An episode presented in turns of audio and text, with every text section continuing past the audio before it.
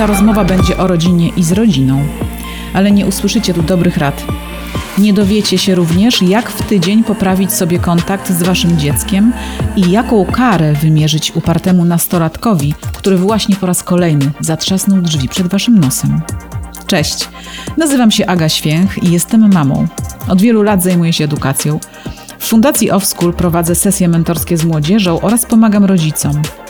Słucham młodych i jestem przez chwilę częścią ich rzeczywistości. To mi daje energię, bo nigdy nie zapomniałam, jak sama byłam nastolatką.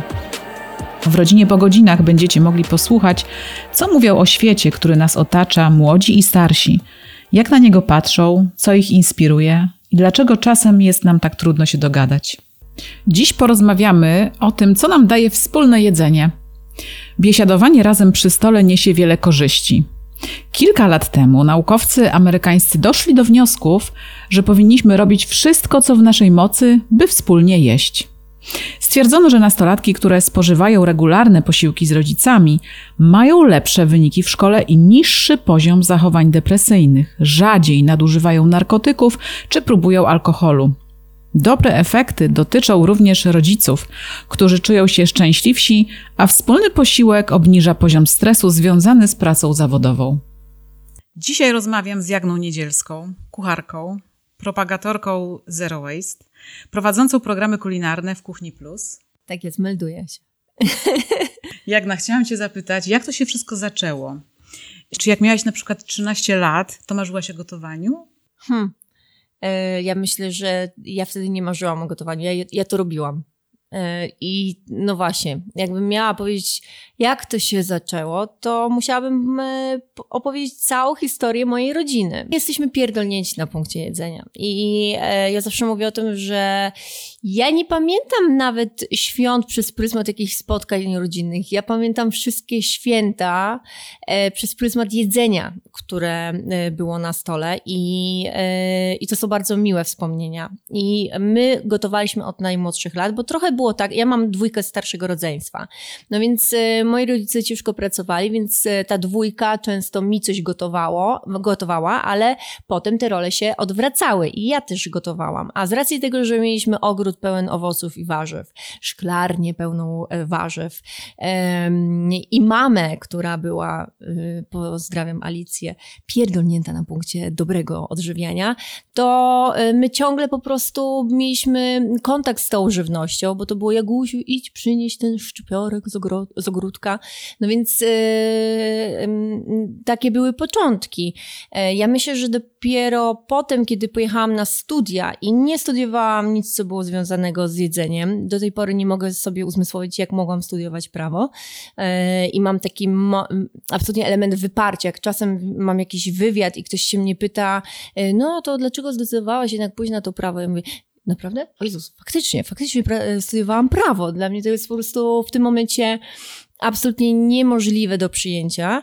E, natomiast e, jadąc na te studia, czyli wyjeżdżając z mojego miasta rodzinnego z Rzeszowa, jadąc do Krakowa, e, no to ja musiałam przetrwać, tak? I albo mogłam przetrwać jak, jak reszta studentów na zupkach chińskich, albo mogłam przetrwać na tym, co moja mama mi, mi przykazała i czego mnie nauczyła, czyli gotując po prostu we własnej kuchni, wybrałam długą drogę, a potem się okazało to no, chyba nawet uzależnieniem. Okej, okay, czyli nie było tak, że twoje życie skręciło nagle w stronę kuchni, byłaś na prawie yy, i coś się wydarzyło, tylko po prostu jakby ta kuchnia była cały czas z tobą. Albo ty byłaś w tej kuchni raczej, tak? Nie wiem jak to jest, ale ja, ma, ja mam, ja jestem zero-jedynkowa. Po prostu. Jest miłość albo tej miłości nie ma. I ja idąc na studia, trochę to była taka strategia na zasadzie. Mama y, hrabina z Podkarpacia Alicja uznaje dwa zawody świata, czyli lekarz i prawnik, tak? Chcesz mieć święty spokój? Czasem zrób to, co ten ktoś ci każe, więc poszłam na, ten, na te studia, ale wiedziałam, że ja tym prawnikiem nie będę.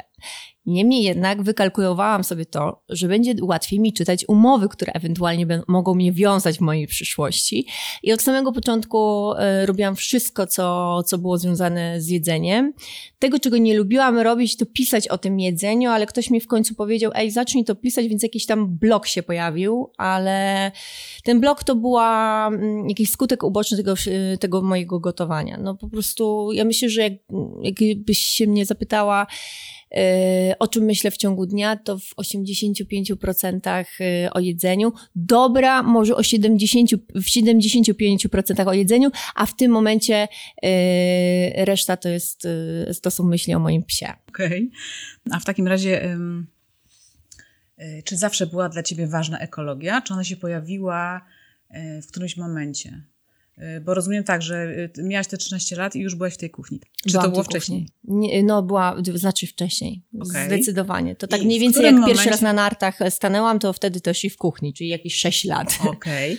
Okay. W, którym momencie się mm, zaczęło rozmawiać o tym, że ekologia jest ważna, że, że, że świat w ogóle jakby zmienia się. Coś musimy z, z tym zrobić. To było później.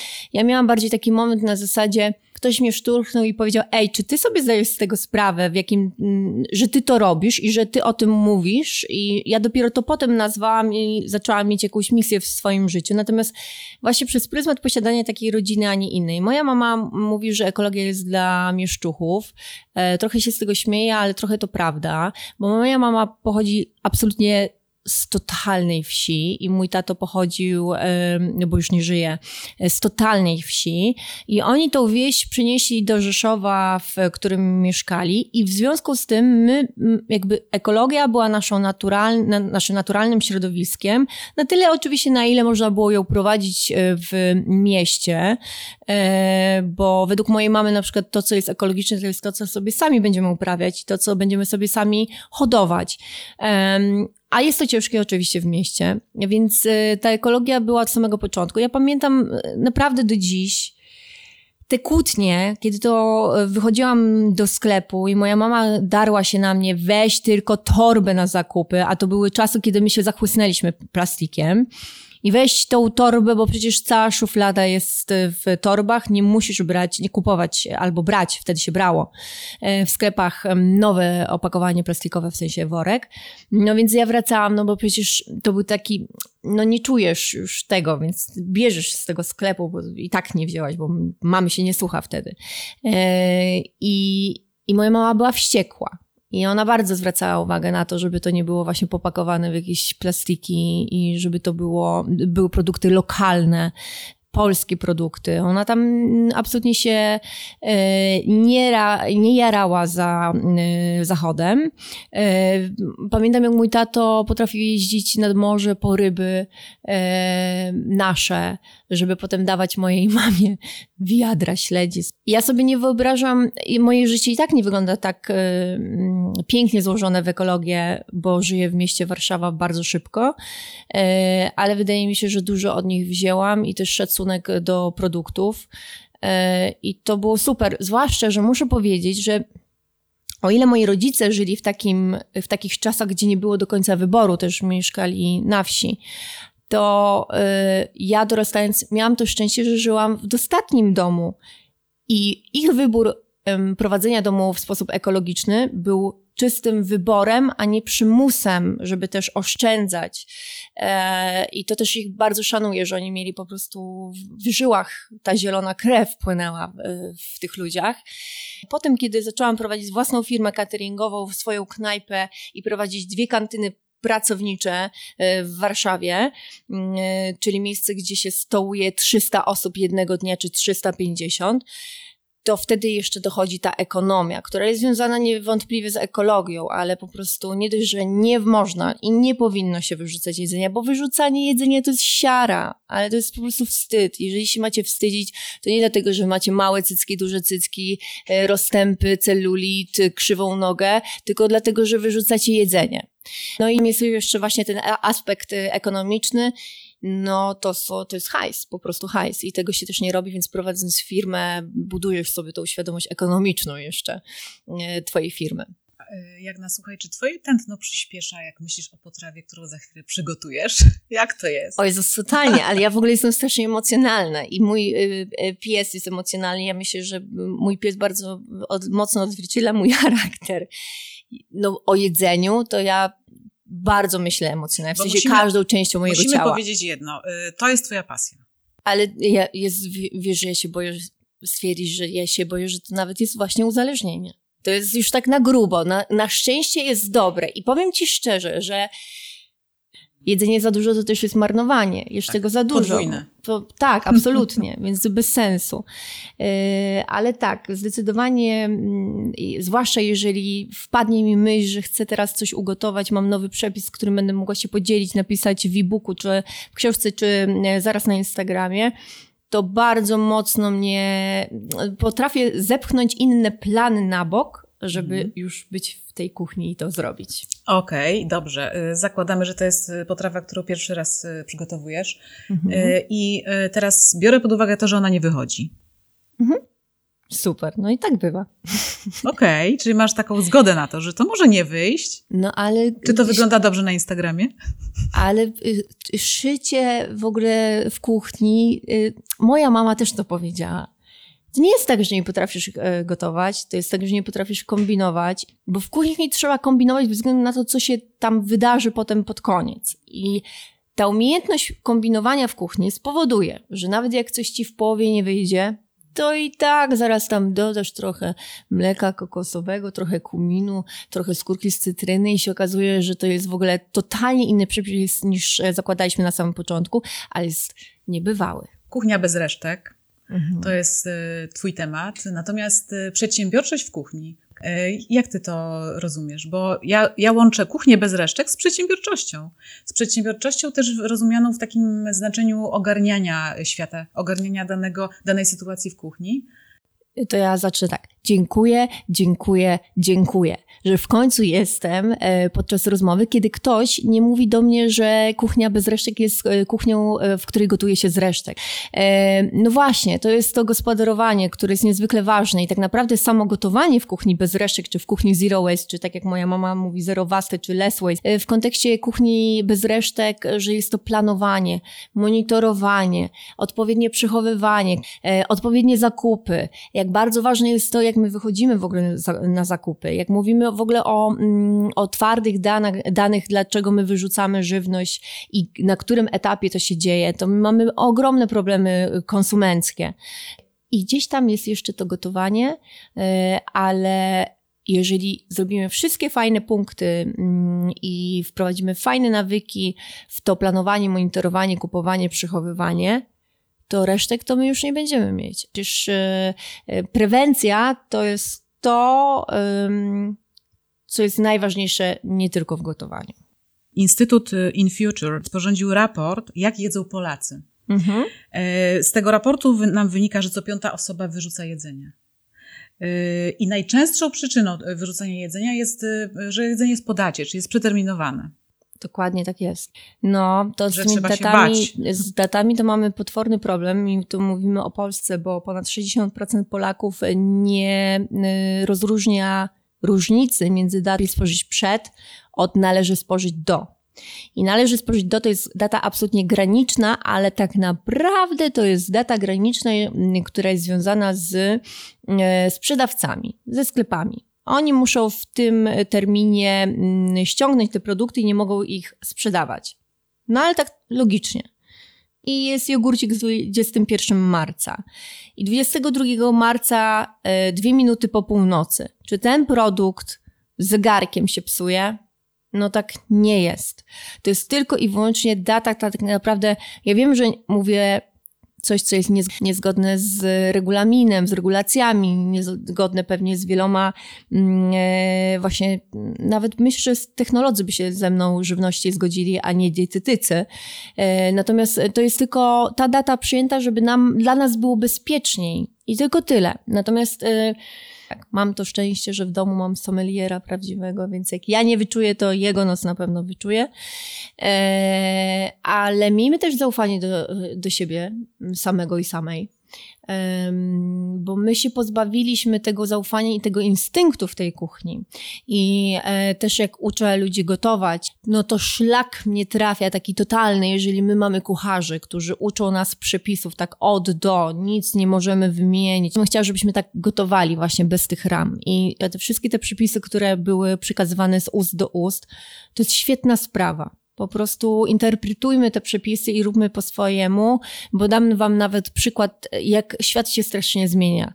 Jakiś czas temu E, bardzo zawsze w, w przepisach zwracaliśmy uwagę na bakłażana, żeby go solić, żeby wyciągnąć tą gorycz. Ale bakłażan na przestrzeni wielu lat się zmienił i w wielu przypadkach nie trzeba już go solić i czekać na niego to, 30 to czekaj, minut. Poczekaj, bo musisz tutaj y, wyjaśnić ten temat, szerzej powiedzieć, bo my, my tutaj w domu y, ciągle solimy bakłażana. Jak przygotowujemy w plasterkach, to wiesz, y, solimy najpierw, czekamy aż ta sól, coś tam się ten, ten, później to... wodę, nie A to co innego. Go, faktycznie wodę można wyciągnąć z tego i z ogórka i tak dalej. Miłość. I, I miłość oczywiście, że tak. Natomiast, e, bo wy, wiecie, wy nie wiecie, ale my mamy chochlików tutaj z tyłu e, i dopowiadają, e, z czego ja się bardzo cieszę. Bo to nie jest podcast ubrany w ramy. to jest podcast tym... autentyczny. Dokładnie, dokładnie tak. Natomiast no, ja bym nie traciła 30 minut na, no, na mojego starego, to bym poczekała. Ale jakbym była na jakiejś, jakby starego w moim życiu nie było i miałabym być na jakiejś randce, to 30 minut nie poczekam ani na chłopaka, ani na bakłażana. No nie to, a wróćmy do bakłażanów. W takim razie, jak mamy bakłażany, mamy je umyte, załóżmy, że mamy je pokrojone w plastry i chcemy je, nie wiem, zrobić w, w piekarniku na grillu. To je zróbmy. To po prostu je róbmy. To róbmy. Na co czekamy? Totalnie róbmy. E, bywa tak, że w dziesięcioosobnikach bakłażanowych e, będzie ten jeden, który będzie tak gorzki, że nawet sól sobie nie da rady z nim. Więc e, E, więc w ogóle absolutnie tego nie, nie, nie da rady nawet go e, uratować. Natomiast e, jest jeszcze jedna rzecz, że my się też powinniśmy nauczyć smaku gorzkiego, pewnej goryczy. Jak potraktujemy dobrze bakłażana, jak dodamy do niego odpowiednich składników, to wtedy ta gorycz może być bardzo przyjemna i tej goryczy też się uczmy, nie, nie ograniczajmy swoich smaków. Okej. Okay. To z goryczą koja- kojarzy mi się taka sytuacja jeszcze, kiedy na przykład chcemy zaprosić nasze dzieci, małe, większe, dorastające, do kuchni, żebyśmy wspólnie przygotowywali posiłek i często właśnie się ta gorycz pojawia. Nie, ja nie będę, nie chcę, nie umiem, po co ja ta, tam jestem? Jak zachęcić y, domowników do wspólnego przygotowywania jedzenia? Małych czy w ogóle? W ogóle. No to ja zacznę od małych. Dobra. Często jak dzieci czegoś nie lubią, to wynika z tego, że rodzic nam to pokazał. I my czasem wychodzimy z założenia, mm, nie, to grzyby to nie, dziecko nie nie. I my gdzieś tam sygnalizujemy temu dziecku, no nie, no grzyby były e, My mamy taką złotą zasadę w domu, że mm, mówię do Henryka, do mojego przysposobionego dziecka siedmioletniego. Ja mówię, najpierw to spróbuj, nie smakuje ci, nie jedz, oceń, a potem ci powiem, co to jest. No więc jest zagadka, jest próba i się okazuje, że w środku są grzyby i on jest zdumiony, że mu to smakuje. Oczywiście jest to też kwestia pe pewnie odpowiedniej obróbki tego produktu, żeby jemu smakowało, czyli dam wam tip. Jak coś jest chrupiące, to zawsze smakuje. Więc wszystko, jeżeli nie jest jakiś produkt, który, mm, który stwierdzicie, że nie, nie będzie e, dziecku smakować, to niech będzie to chrupiące. Zróbcie tak, żeby było chrupiące, będzie smakować. Natomiast też chyba dobrym sposobem na to, żeby namówić ludzi do gotowania wspólnego, to jest taki moment, kiedy na przykład zapraszasz e, czy to swoich najbliższych, czy to znajomych do domu na kolację a jak przychodzą do kolacji nie ma. Tego wy siedzicie w tej kuchni i jedno obiera y, tamto, tamten kroi coś tam. No, y, szczytem mojej bezczelności było, kiedy musiałam wydrylować 40 kg śliwek węgierek i miałam do wyboru. Albo siedzę sama i dryluję, albo zrobimy imprezę, jako, i jakoś się wydryluje. No i to była cudowna impreza, kiedy wszyscy moi znajomi drylowali razem ze mną śliwki, bo było po prostu tak przyjemnie, że była muzyka, było jedzenie, były śliwki e, i były rozmowy. I chyba rozmowy e, napędzają i zapraszają do wspólnego gotowania. Ja myślę też, że śmiało można przemycić kilka tematów, no nie wiem, chociażby związanych właśnie z tą ekologią, bo o tym w ogóle w szkole nie ma, nie ma tego tematu.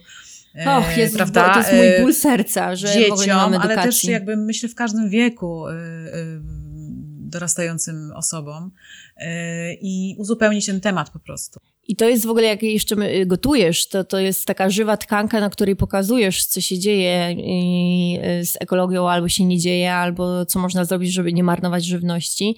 I to jest tym bardziej ciekawsze. Żeby nie sterczyć nad tymi garami, po prostu tak mechanicznie robić jakiś właśnie też przepis, tylko zastanawiać się nad tym, co my mamy w ogóle w rękach. E, nie bać się nieporządków w kuchni. Akurat ja z Henkiem to mam bardzo dobre skojarzenie, jeżeli chodzi o wspólne gotowanie.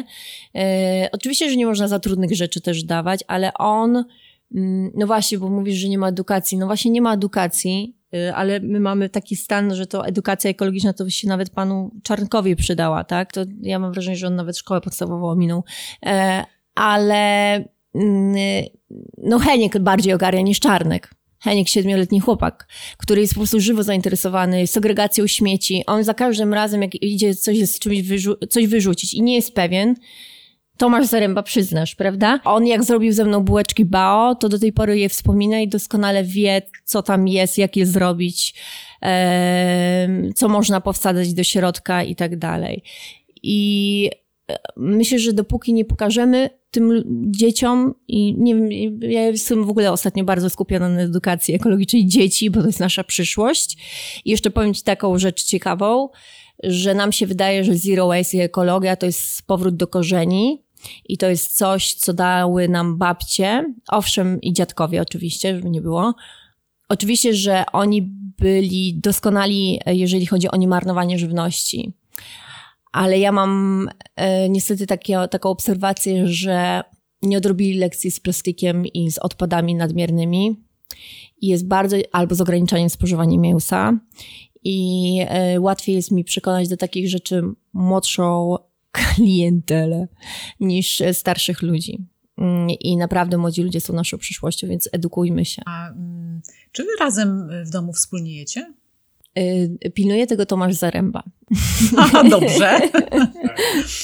Potwierdzę, tak. Bo to, bo to, nie musi być też tak, bo tak się mówi, że a, wspólne posiłki są bardzo ważne, y, no ale na co dzień nie mamy zawsze okazji do zjedzenia, nie wiem, wspólnego obiadu chociażby, tak? Bo ten obiad może się y, okazać, że jest o takiej porze, że nie ma, albo dziecko jeszcze nie ma, albo nie wiem, nas nie ma w domu i to może być kolacja, ale to też może być śniadanie. Nie, Aga, ja mam ordung w domu. Okay. Totalny. Ale ja go bardzo lubię, w sensie, bo ja jestem małą dziewczynką latającą po prostu po, po łąkach y, gastronomii na lewo i prawo i czasem trzeba mnie spienizować i pienizuje Tomasz Zaręba, kiedy to y, bardzo sobie ceni ten moment siedzenia razem przy stole z, mm, z Henkiem właśnie i na, nasza trójka, gdzie nie ma telefonów obok nas, a jak nawet dzwoni, to mamy mieć go, ten telefon gdzieś E, I że jeżeli mm, i czekamy absolutnie przy stole do ostatniego momentu, kiedy ktoś ostatni będzie jadł. I on sobie to bardzo ceni, w związku z tym ja też e, już o tym pamiętam. Ale bywało tak, że w tym pędzie mojego życia sobie myślałam, no ale o co ci chodzi, stary? No zjem tutaj sobie talerzyk mój, no ty sobie dojedz, a ja sobie pójdę już robić coś tam swojego na tym komputerku. E, I to nie jest spoko. E, spoko jest ten moment, kiedy można się zatrzymać i spędzić czas ze sobą przy tym jedzeniu. To lepiej smakuje. To się, skupiasz się na tym smaku, skupiasz się na tych ludzi i pamiętasz te momenty. I to jest bez ściemy. To nie jest... To jest jakiś taki nawyk, jak chodzenie do sklepu z własnymi torebkami. Nie zawsze się da, ale wyjdźmy i tu teraz to nie jest, mówię, to nie jest moja mądrość, to jest mądrość Tomasza Zaręby. E, postarajmy się, żeby przynajmniej jeden posiłek dziennie, a jak nie dziennie jeden, to przynajmniej te pięć posiłków w tygodniu e, były zjedzone e, w towarzystwie naszych najbliższych osób. To jest więź niebywała przez mhm. żołądek do serca. Ale rozumiem, że też rozmawiacie przy tych posiłkach, czy nie? O, totalnie, nie, no w ogóle absolutnie rozmawiamy. Uważam, że... Tak, ale jest muzyka. Jest właśnie, muzyka, totalnie. Jest właśnie, muzyka. Muzyka super. musi być. E, ale tak i w ogóle zasada, mm, e, że nie, że nie mówimy z pełną buzią, to, to, nie ma tej zasady. To są żywe rozmowy i to jest też pretekst do tego, żeby w ogóle zapytać się albo opowiedzieć o swoim dniu. E, mamy to też szczęście, że my się interesujemy swoim życiem nawzajem, w sensie ja bardzo chętnie posłucham, co u Heńka się wydarzyło, e, bo on w ogóle jest takim jakimś skoku rozwojowym, więc to jest dla mnie też bardzo ciekawe. Czy co stary robił dzisiaj w domu i ja chętnie opowiem, e, bo u mnie to w ogóle codziennie chyba jest inne, inne życie. Okej. Okay.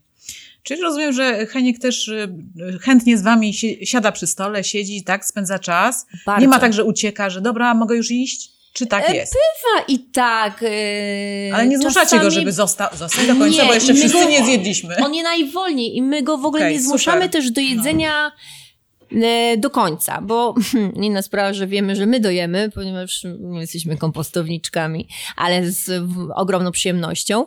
Natomiast e, Heniek w ogóle może powiedzieć nam, nie, nie chcę tego jeść, nie smakuje mi, bo i ja go słucham. Ale to jest bardzo ważne. Bardzo, mhm. w ogóle wpychanie jedzenia na siłę no, ja miałam tylko raz w życiu, kiedy moja mama mnie e, zmusiła do zjedzenia e, u wujka Starszka na obiedzie zupy z e, grzybowej z ptysiami. I ja pamiętam ten moment, jak ja poszłam do łazienki i po prostu było źle. Ale y, lubisz zupę grzybową? Dzisiaj? Ja jestem teraz już grzybiarą taką mocną, uwielbiam, ale ja wolę nawet bardziej grzyby uprawne, takie jak boczniaki niż e, leśne, ale była trauma przez wiele lat i ja nie chcę robić jemu takiej traumy i Henik raz, że sam decyduje ile zje, dwa, że co zje, ale oczywiście jakby no też tak gotuje, żeby mu smakowało. Zresztą mamy, jest po drodze, ponieważ e, Henryk to jest pan kluska, ja jestem pani kluska i my wszystko, co gluten e, w sobie ma, zjemy do końca. Um, ale tak, ale on raczej, i raczej siedzi i, i gada. Zresztą jakby my mamy takie jakieś więzi bardzo bliskie wszyscy w trójkę ze sobą. Jak na bardzo Ci dziękuję za rozmowę. Dziękuję bardzo. To było super przeżycie. Z mojej strony również. Dziękuję.